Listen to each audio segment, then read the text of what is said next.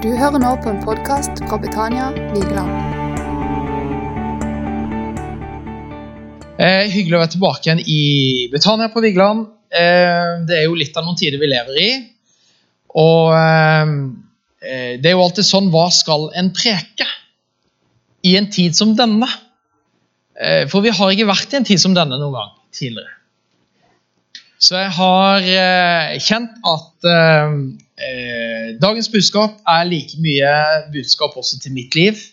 Så, eh, så i formiddag så sitter vi i akkurat samme båt. Eh, så skjønte jeg det var noen som vært tidlig ute i dag, glemte å stille klokka. Eh, en liten sånn artig en der når jeg var, eh, når jeg var ny pastor i, i eh, Misjonskirken i, i Askim. Det begynner å bli en del år siden. Så, så var jeg ung, jeg var nyutdanna og eh, satt ved frokostbordet og nøt en deilig frokost, hvorpå en av eh, lederne i menigheten ringer og spør Jan Gordon, hvor blir det av pastoren? Vi venter på talen. Og da var det allerede gått en time. Så eh, jeg trodde jeg hadde god tid, men det var egentlig bare for å heve på seg møteklærne og sette seg i bilen og kjøre ned og rette opp og preke. Så eh, det var en lærdom om å alltid huske å stille klokka. Men nå slipper vi jo det. da. Vi har jo iPhone som hjelper oss til å, til å stille. Eh, hvis du har Bibelen med deg, slå opp i Hebreerbrevet, kapittel 12. og Der skal vi lese et, eh, et par vers. Og Dette her er noen av de versene som jeg, jeg virkelig elsker. Jeg får tro av å lese disse versene, for de hjelper meg til å holde fokus. Og Der står det derfor skal også vi, siden vi er omgitt av en så stor sky av vitner, legge av enhver byrde og synden som så lett fanger oss, og løpe med utholdenhet i den kampen som er lagt foran oss. Mens vi ser på Jesus, troens opphavsmann og fullender. Av den gleden som var lagt foran ham, utholdt han korset, aktet ikke på skammen og har nå satt seg ved Guds høyre side. Eh, nå begynner det å bli ganske mange år siden jeg og Anette vi ble foreldre for eh, tredje gang. Vi har jo fire barn, så det er klart eh, Vi burde sikkert ha gitt oss mens leken var god, men eh, jeg husker når tredjemann kom. Det var en fantastisk opplevelse. Vi hadde to stykker, og jeg har med to av de eldste i dag. Så mange syns de er en direkte kloning, og det er helt sant. De er mine. Jeg kan ikke ljuge meg fra de. Eh, men vi tenkte hva kan være så krevende med å gå fra to til tre? For jeg husker jo at når vi gikk fra én til to, så sa det at én er ingenting i forhold til det å bli to. Og når vi tenkte hvor krevende det var å bli for to barn, så, så, så, så krevende kunne det ikke bli å få tre. Um, og den venteperioden Nå har jeg vært igjennom den fire ganger, og, og det er noe vakkert med den venteperioden. Du går, og, og, kona di er jo svanger, og du går jo egentlig svanger sammen med din kone. For det første så trøstespiser du hele perioden, så du legger jo på deg sjøl. Men, eh, men, jeg tenker på det, altså, tenk om vi ikke hadde hatt den perioden menn. Altså mannfolk, tenk om, vi, tenk om din kone ble gravid på søndag, og mandag fødte hun, liksom. Altså, du, du, hadde jo våkna opp med et sjokk dagen etterpå. Hvor ble det av kona mi? Altså, Har du spist noe? Det er liksom, Du går fra der til boom! Sånn at vi får lov til å modnes gradvis og glede oss sammen med vår kjære i forhold til det som venter oss lenger framme. Vi forbereder oss, og det er en venteperiode vi går igjennom. Og Jeg er så glad for at det er ikke en periode vi skal forbli i. Det vil være veldig krevende å gå hele livet og være svanger. liksom.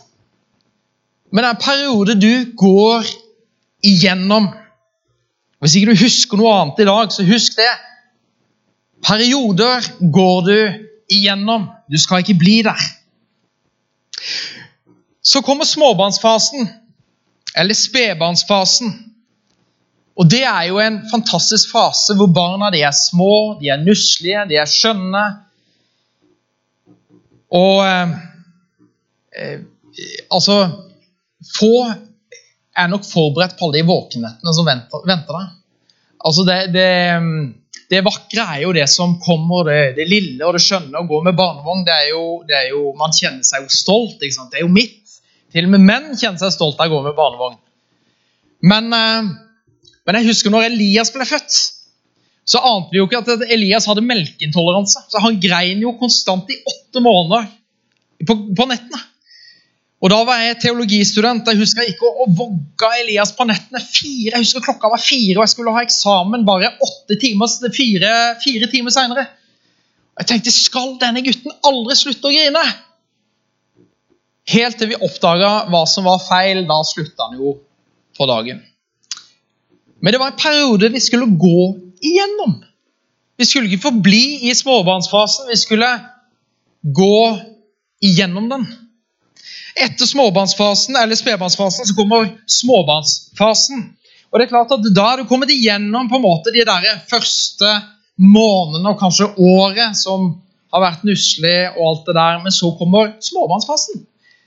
Og til alle dere småbarnsforeldre så er småbarnsfasen en tid hvor du føler at du lever i en tunnel. Det er mørkt. Du mangler energi, du mangler søvn. Og du mangler kanskje glød av pasjon i relasjonen, for du har ikke tid til å pleie og, og, og, og ha så mye kvalitetstid sammen som man har hatt tidligere. Men husk, småbarnsfasen er en fase som du går igjennom. Det er jo ikke meningen at du skal forbli der. Og jeg er så glad at guttene mine ikke forble i småbarnsfasen. Fordi det er bare å glede seg, for etter småbarnsfasen så kommer jo tenåringsfasen. Og den fasen skulle jeg gjerne hatt litt mer kompetanse for å takle. Og min far han har sagt det til meg i, i alle år, og jeg tenkte ja da, ja da. Men han har han går da. Småbarnsfasen det er en fase hvor du snakker til barna dine, og det er som å spikre gelé til et tre, har han sagt. Og han har jo helt rett. Det er som å spikre gelé til et tre og kommunisere til tenåringer. Derfor skal dere ta godt vare på ungdomspastorene.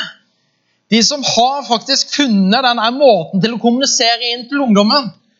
For det er en gave i seg sjøl. Hvis jeg skulle skrevet en overskrift over den fasen vi er i akkurat nå, med våre tenåringsforeldre, så måtte overskriften på den boka vært 'Livet under en høyspentledning'. For det er sånn det føles til tider. Hormoner i fritt utløp. Og det er spennende å leve hver eneste dag. Men det er jo ikke sånn at vi skal forbli i tenåringsfasen. Det er en fase man går igjennom. Og så er det jo bare å glede seg, for etter tenåringsfasen så kommer studiefasen, du har karrierefasen, du har unge voksne-fasen, du har 30-årskrisen, 40-årskrisen, 50-årskrisen. Og etter 50-årskrisen så kommer 60-årskrisen. Og så er det bare seks år etterpå så kommer mulighetenes år 66. Endelig smiler livet, og jeg kan gjøre som jeg vil. Og så kommer pensjonistfasen. Og så har du alle ulike faser som livet inneholder. Poenget er at de fasene du går, du går igjennom i livet, er jo ikke faser du skal forbli i. Det er jo faser du går igjennom. Men jeg har jo møtt voksne 70-åringer eh, som er som 30-åringer i holdning og innstilling. Og det jeg elsker, er jo når de er 25 år i huet og vital. Men problemet er jo at hvis de er 70 og liksom en fjortis da er de jo blitt forblitt i tenåringsfasen og er liksom i opprør hele livet. For den fasen du går igjennom i ditt liv, er en fase som er tiltenkt at du skal vokse og lære og utvikle noe i ditt liv som gir deg kompetanse for den neste fasen du skal gå igjennom. Du går igjennom. Du forblir der ikke. Og det er faser av livet som Anette, min kone, og jeg ikke hadde i tankene vi skulle gå igjennom, faktisk. For vi hadde en klar visjon, en drøm for vår familie. Og vår visjon den har vi drilla guttene våre i. Husker du den, Joel? Hva er visjonen for vår familie? Ja. Og det har vi prenta inn i ungene. Elske Gud, elske hverandre og elske andre. Og Det har vi prata om når vi har sittet og spist frokost og middag og kvelds. Hva er hensikten med oss som familie? Elske Gud, elske hverandre, elske andre. Og det er jo krevende når man er tenåring. Det er ikke alltid man kjenner på at liksom det bruser kjærlighet til hverandre. Men så er det en fase som verken Anette og jeg hadde forberedt oss på. Det var sykdomsfasen. Når vi fikk vår tredje sønn, så hadde vi gått og venta i ni måneder, og vi hadde gleda oss til dette barnet skulle fødes. Men det ikke vi ante, var jo at vi skulle få en gutt som var født syk. Og ikke bare litt syk, men han var alvorlig syk. Såpass alvorlig at han var en av 100 tilfeller på verdensbasis. Som gjorde at den ene søndagen hadde jeg stått på gudstjeneste og prekt om barnevelsignelse og det å leve i Guds velsignelse. Dagen etterpå så satt vi på sykehuset i Fredrikstad og hadde en sønn som svedde mellom liv og død. og ble sendt med ambulansehelikopter til Rikshospitalet. Vi kom etter i drosje. Bare I løpet av et døgn så ble livene våre snudd opp ned. Fra å være en normal familie til å ende opp i tre år med en krevende situasjon 24 timer i døgnet. Og for de som ikke har vært gjennom en sånn sykdomsfase, de aner ikke hva dette er for noe. For de så blir det på en måte noe de bare tenker på deg, føler med deg, men man har ikke kompetanse til å sette seg inn i hva det betyr. Men for du som har gått gjennom en sykdomsfase, for du som har opplevd den krisen i livet, du har fått en kompetanse som gjør at du kan forstå de menneskene rundt livet ditt som står i akkurat sånne situasjoner her og nå. I den fasen så handla det mest for oss om å eksistere. Og det var mange ganger jeg lurte på kommer jeg gjennom denne dagen her. Da skal jeg være fornøyd. Og det var tider hvor vi kjente vi hadde ikke overskudd til å lese Guds ord. Vi hadde ikke overskudd til å be. Alt føltes som grus. Det var tørt, det var kjørt. Men da hadde Gud mennesker rundt oss som sendte oss bibelvers i brev, på telefonen, tok og ringte oss. Og Gud har omsorg for det. Men de periodene av livet er vanskelig å forskuttere. Men du skal ikke forbli der. Det er en periode du går igjennom.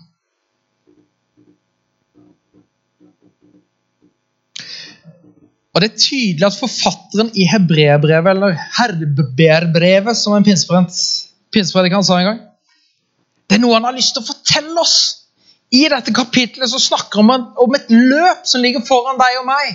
Du har et genuint løp for ditt liv. Derfor må vi slutte å sammenligne oss med alle andre og tenke at det bare hadde vært som han eller henne, da hadde livet mitt vært så veldig mye bedre. Nei, Gud han har en konkret plan for ditt liv, og han har en konkret livsløp som du skal løpe. Men det han sier, er se på Jesus.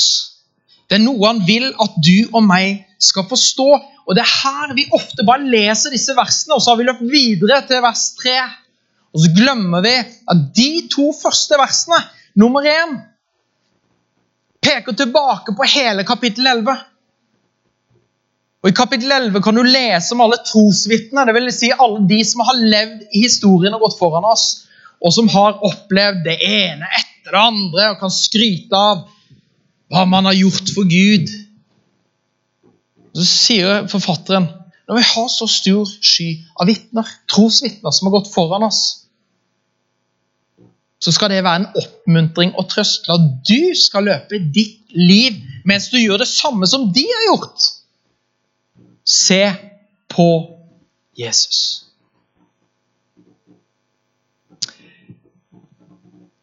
Han ber oss om å feste blikket på noe. Og det er noe han ønsker at vi skal se.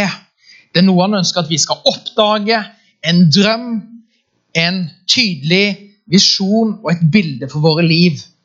Og Det er ulike måter du og meg kan se på. Og det er ulike måter man kan, kan ehm, eh, fokusere. Og hvis du og meg bare begrenses av det vi ser her og nå med det fysiske, da lever vi her og nå. Men hvis du kan se ut ifra det indre bildet, da kan du gå gjennom ild og vann med livet ditt. Og Det sitter en del unge mennesker og tenåringer her. Aner ikke hva som ligger foran dere i livet. Vet du hva? Hadde jeg fått dette budskapet så tidlig som mulig, da hadde jeg vært bedre rusta for å tåle de utfordringene jeg opplevde senere i livet. For her ligger hele nøkkelen til et godt og harmonisk liv, nemlig hva gir du fokus i livet ditt? Og Det er ikke alltid den virkeligheten du ser på innsiden, samsvarer med det du ser i det ytre. Jeg hørte for noen år siden en asiatisk pastor som planta en menighet. Og når han stilte seg fram og prekte, så prekte han med øynene igjen. Det må jo ha vært spennende å ha liksom predikant på besøk og stå bare med lukka øyne. liksom. Det var jo kjempeconnection med, med, med salen. Og de spurte hvorfor taler du med øynene igjen. Og han nekta å svare på det og fortsette å preke med øynene igjen. Men en dag en dag så åpner han øynene sine og ser. Og hvorpå salen da spør hvorfor åpner du nå øynene? Hva har skjedd? Jo, sa han, fordi nå ser jeg synlig det jeg hele tiden har sett for mine indre øyne. Så er ikke poenget at du og jeg skal gå rundt med øynene igjen for at vi skal holde fokus på det vi har innvendig. Men han hadde skjønt noe ved sitt liv som vi kan lære av, nemlig hva har tatt ditt fokus. Og det er et bra budskap i en tid vi lever i akkurat nå, med sykdomsbildet over hele verden. Og vi kjenner på alle en frykt alle i begynnelsen kjente på en bekymring når vi stengte ned landet vårt. Og alle har vi kjent på en uro siden. Og alle reglene og alle retningslinjene og alle tingene vi både må ta hensyn til, og ikke minst alle jobbene som har gått fløyten fordi at grunnlaget for å drive forretning forsvant. Og ennå har vi bare sett overflaten av hva som kommer.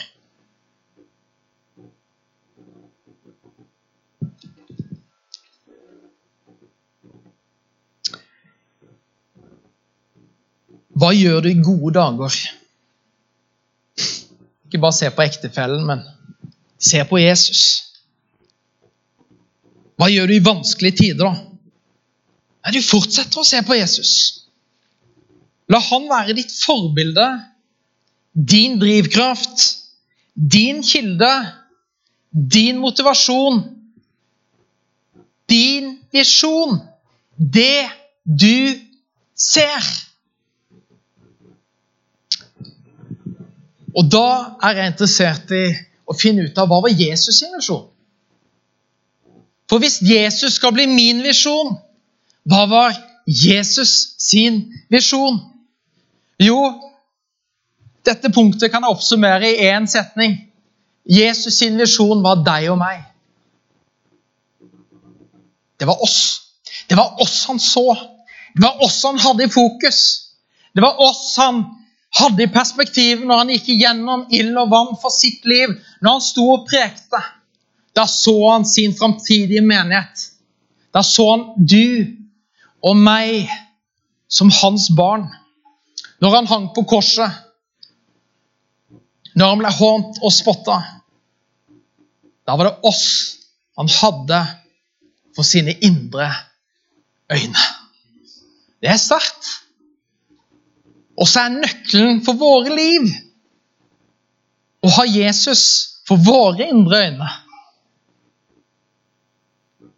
Og Det er dette som er det store perspektivet som menigheten også skal ha. Hva er det som gjør at vi har gudstjenester, smågrupper, fellesskap, ungdomsmøter, barnearbeid? Hva er det som gjør at vi i det hele tatt gidder å bruke tid og krefter og penger og energi? Det er fordi han er menighetens visjon. Og han er men meningen å være din visjon. Det som driver oss dypest sett, det er å få med oss flest mulig til himmelen av våre venner, naboer, kollegaer, familie, barna våre. Jesus kom og viste oss et eksempel til etterfølgelse. For ditt liv, for mitt liv og hele hemmeligheten og det bærende elementet i vår tro det er Jesus Kristus. Det begynner med han, og det avslutter med han. Det er det Hebreerbrevet, vers 2 i kapittel 12, taler om. Når du fortsetter å se på Jesus, så er han opphavet for din tro. Det er han troen de begynte med. Når du og meg fikk blikket festa på Jesus, så står det i Johannes evangelium, kapittel 1, kan du lese om at det som er født, er født ikke av blod, som av en kvinne, eller av vilje som vi skulle presse det gjennom, men er født av Gud. Og det som er født av Gud, overvinner verden. Og det livet som flytta inn i våre hjerter når vi fikk blikket festa på Jesus og tok imot ham, det livet fortsetter å vokse. Dag for dag mens vi fortsetter å gjøre vår del av jobben, og det er å holde blikket festa på hvem da? Jesus. Hvis du leser dette verset på engelsk, enten i Amplified King James er jo litt mer vår, men der står det He's the author. Han er forfatteren and the fulfiller of my faith. Altså den som fullfører min tro. Så det vil si at når du og meg går gjennom dette livet og ser på Jesus, så forfatter han troen i våre liv, og han fullfører troen i våre liv. Han er troens opphavsmann og fullender. Så hva gjør vi da når vi opplever krisetider, hvor livet går fra å være herlig og fantastisk til å bli kasta i en unntakstilstand som hele verden kjenner på akkurat nå? Jo, vi fortsetter å se på Han. Du fortsetter å se på Han. Fordi det en krisetid gjør med våre liv, det er det at når den eskalerer, så øker angst, depresjon, negativitet, fortvilelse, bekymring, og vi opplever noe som eh, mange av krigsveteranene opplever, nemlig post-post eller posttraumatisk stresslidelse. Som fører til en form for apati og, og likegyldighet. Så hvordan skal du bevare din sjel, din tro, ditt hjerte i en tid som denne? Jo, jeg har gitt deg hele hemmeligheten i formiddag. Holde rett fokus ved å se på Han.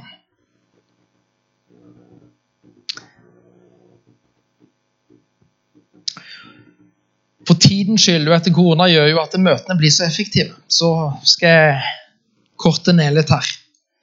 Men jeg har lyst til å ta opp et annet punkt som treffer oss alle. Fordi at det er angst, bekymring, fortvilelse, osv.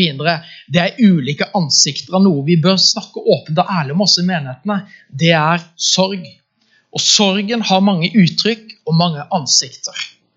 Når du går fra punkt A til punkt B, så vil du oppleve en sånn fortvilelse over hva du mista. Men så er hele sorgprosessen ment å være en hjelp til å omfavne en ny virkelighet og en ny hverdag. Det er derfor mange opplever å miste sine kjære, at savnet gjør at du får bearbeida prosessen. Og så klarer du å omfavne en ny hverdag som ser annerledes ut. Utfordringen er bare at når sorgen går fra å være en venn som hjelper deg fra punkt A til punkt B, til å bli en fiende som holder deg i mørke og fortvilelse, hvor man ender opp med å pleie sorgen, for den kjennes jo litt behagelig ut. Og likevel pleie ved.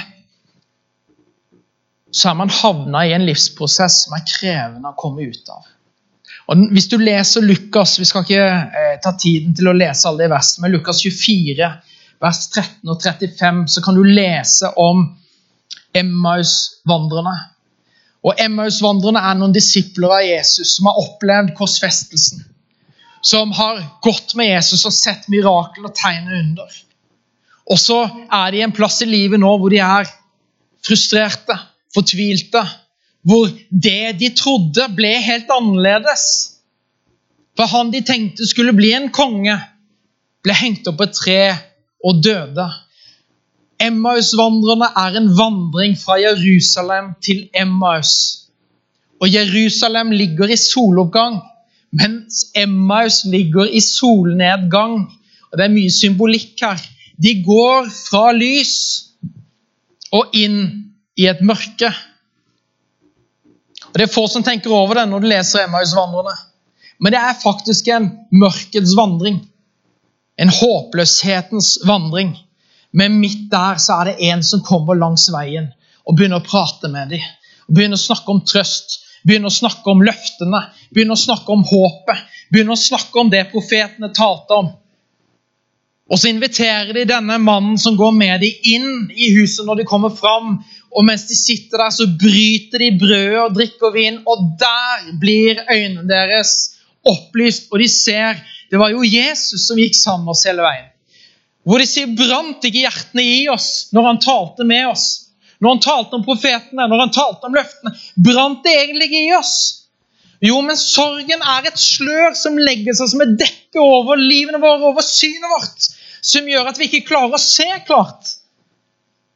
Men det er det som er i ordet brøds brytelse. Nattverden bryter mørket og bringer lyset inn. Det er det evangeliet handler om. Mørket blir lys fordi håpet flytter inn. I første Korinterbrev så møter vi Paulus som har en prat med menigheten i Korint. Og Den samtalen han har med menigheten, kan virke som en coach som har en peptalk med teamet sitt, laget sitt, i garderobe. Og i 1. Korinterbrev, kapittel 2 og vers 11 til 13, skal vi ta med oss før vi går til en avslutning. Der står det For hvem blant menneskene kjenner de ting som hører mennesket til, uten mennesket sånn som er i ham? Skal vi se. Slik er det heller ingen som kjenner de ting som hører Gud til, uten Guds ånd. Men vi har ikke fått verden sånn, men den ånd som er fra Gud, for at vi skal kjenne de ting som av nåde ble gitt oss av Gud.